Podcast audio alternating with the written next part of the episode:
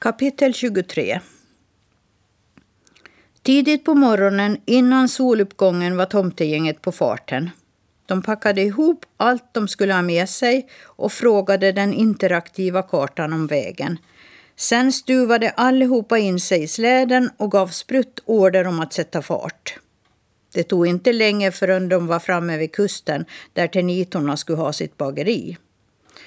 De såg inget hus, bara en klippa Smirke trodde att de kommit fel, men Spraka lugnade honom och sa jag sa ju att det är skygga varelser. De har sitt hem och sitt bageri där inne i klippan. Vänta här så går jag och knackar in koden. Jag är en av deras storkunder och därför har jag fått deras hemliga kod. Med de orden så steg hon fram till klippan, tryckte med fingrarna på en liten platta under en mossfläck och tog ett steg tillbaka och väntade. Efter en liten stund började det knastra och en röst sa Identifiera dig. Spraka pratade med Klippan. Det är Spraka. Jag är här med mina tomtevänner för att köpa präpplor. Får vi komma in? En del av klippan började röra sig och en port öppnades. Innan de andra i släden hunnit stiga ur var det en smal, lång varelse som kröp fram ur fällen och snabbt som en pil hoppade ur vagnen och sprang in i klippan. Vem var det? Vem hade åkt med dem fast de inte veta om det? Till en början var de både tysta och orörliga men sen hoppade de ur släden och sprang fram till Spraka. Han du se vem det var? frågade Smirke. Spraka skakade på huvudet. Hon hade bara sett något skymta förbi och försvinna in i klippan. Nåja, kom så går vi in. Vi får väl reda på vem det var som åkt med oss, funderade Spraka. Och så gick de i samlad trupp in i berget. Inne i berget öppnade det upp sig till en stor sal där det rådde full aktivitet.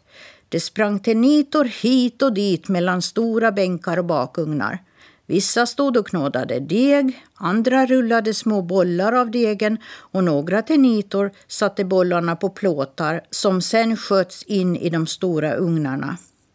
I ett hörn satt några tenitor och skalade pyttesmå räkor. Så det är så de goda präpplorna görs, sa Serafina.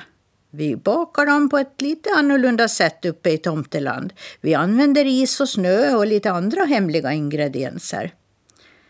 Medan hon pratade kom en lång smal varelse med grönt böljande hår fram till dem. Var hälsad till vårt enkla bageri, sa hon.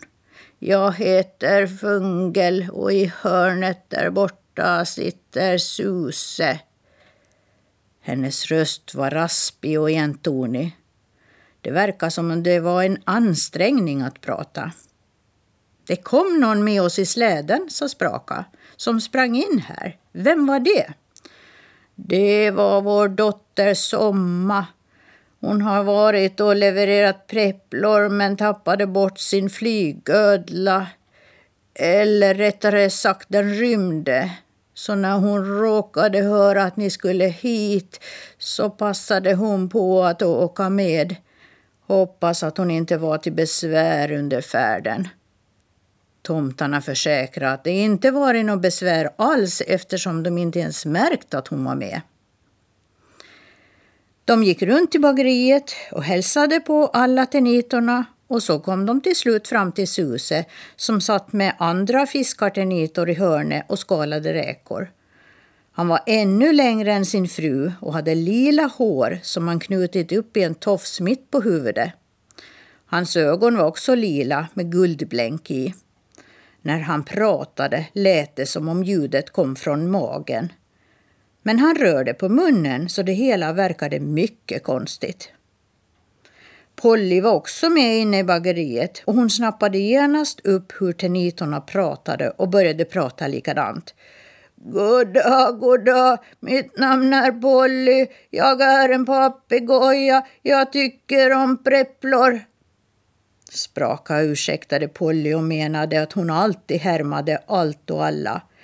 Hon är ju som sagt en papegoja och det är så de är helt enkelt.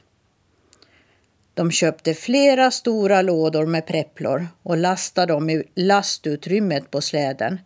Sen tackade de för att de fått komma och satte sig till rätta för den långa färden tillbaka till Tomteland.